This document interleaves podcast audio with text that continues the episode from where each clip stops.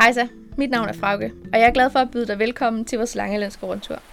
Vi er denne gang taget ud i det blå, helt bogstaveligt talt. Vi er nemlig taget ud til de langelandske kyster.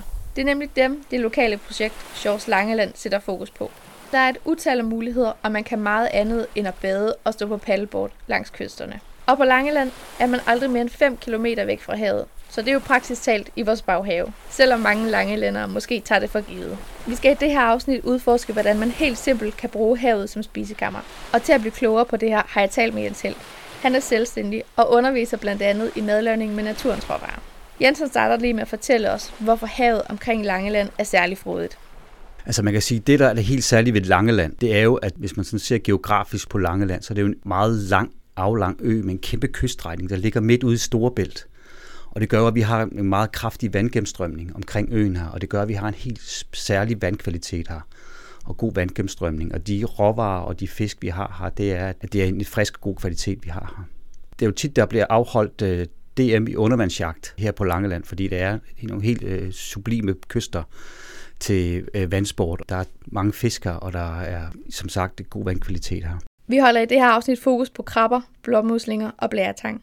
Det her er tre ting, man nemlig som nybegynder relativt nemt kan finde langs Langelands kyst, uden den helt store udstyrspakke. Inden vi dykker ned i, hvordan vi får fat i råvarerne til vores næste måltid fra havet, så er der altså også en god grund til, at vi burde begive os ud i det blå og finde nogle af de her friske råvarer.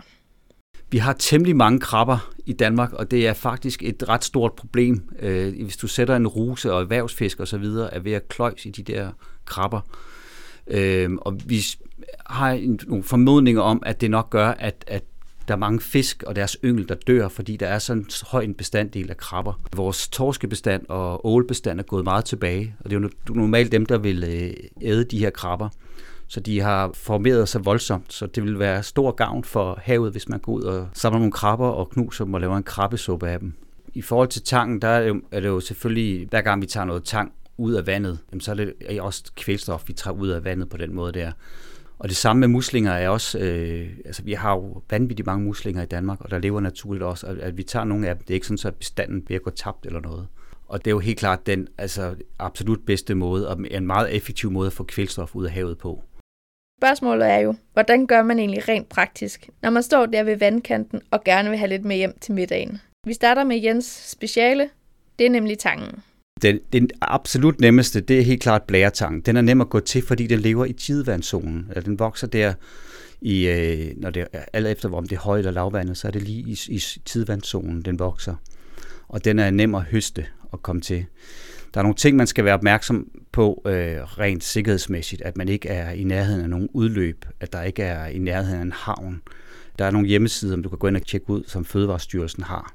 Og der skal man lige kigge sig godt for, at man ikke øh, høster, hvor der er i nærheden af havne eller ved, ved et udløb for marker eller så videre.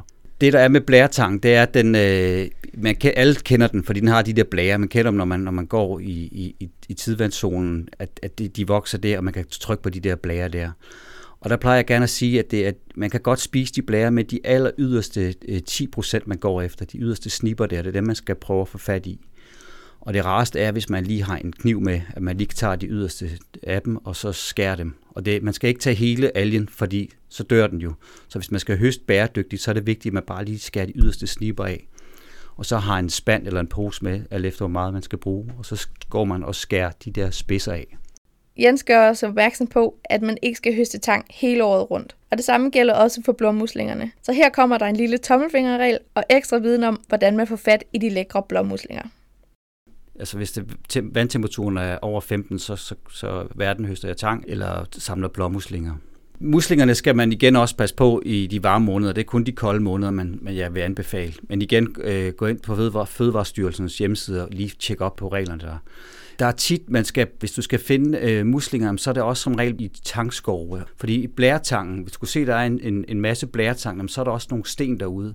Og så er det noget med, at man lige øh, tager en handske på, og så lige ned og mærke med hænderne nede i bunden. Og der er som regel i bunden af stenene, der vil der altid sidde blåmuslinger. Og de er rigtig fine, og lige kan plukke dem af. Og det er en god idé også at lige have dem i et net, eller have dem til udvanding et døgns tid. Fordi de kan godt indeholde en del sand. Når jeg laver øh, friluftsture og sådan noget, og vi er ude og høste øh, blommuslinger, blåmuslinger, så kan man godt lave nogle supper og sådan noget, og så skal man bare sørge for at få sandet, det, at det vil som regel bundfælde sig, at man så får siddet det væk på en eller anden måde. En råvare, du kan fange hele året rundt, det er krabberne. Og det er der en god grund til, hvorfor det er sådan. Men hvordan er det lige, man nemmest fanger de her små, nippende dyr? Der er ikke de samme farmomenter i krabberne, som, som der er i, øh, i, i muslinger og, og i blæretang også. Så, så man skal ikke, selvfølgelig ikke fange dem ind i en havn, men du skal ud på en, på en åben kyst. Dem kan du godt spise hele året, fordi du koger dem også grundigt og laver krabbesupper. Du, du knuser skallerne og siger skallerne fra og laver en, en fong på.